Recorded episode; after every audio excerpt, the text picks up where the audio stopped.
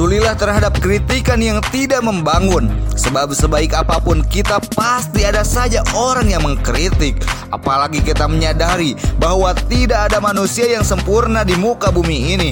Nobody is perfect dan tidak ada gading yang tak retak. Maknanya setiap orang selain dikaruniai kelebihan pasti diberi kekurangan. Justru kelemahan itulah yang merupakan sisi kemanusiaan yang membuat kita berpeluang lebih tinggi derajatnya di hadapan Allah Subhanahu wa Saya Jejen Janul Haq sampai bertemu di podcast selanjutnya. Di mana pun kalian berada, jadilah orang yang berguna.